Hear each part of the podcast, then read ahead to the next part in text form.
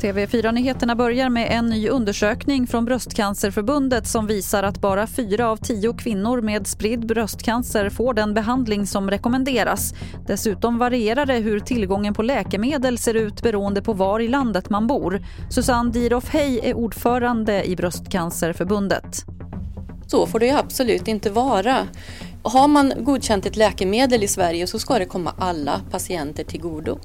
Det här är en fråga om liv och död så kan vi också berätta att USA avråder sina medborgare från att resa till Danmark och Tyskland på grund av att spridningen av covid-19 ökar. Amerikanska UD har utfärdat den högsta varningen för båda länderna. Sverige omfattas inte av den nya varningen. Och till sist kan vi berätta att nya Hisingsbron i Göteborg bara varit i drift i drygt ett halvår men redan nu måste tre av fyra trapptorn rivas på grund av sprickor i betongen. Det här skriver GP. Det är oklart när renoveringen ska börja och vem som ska stå för kostnaden. Det har varit andra problem också med den nya bron som att den fastnar i uppfällt läge.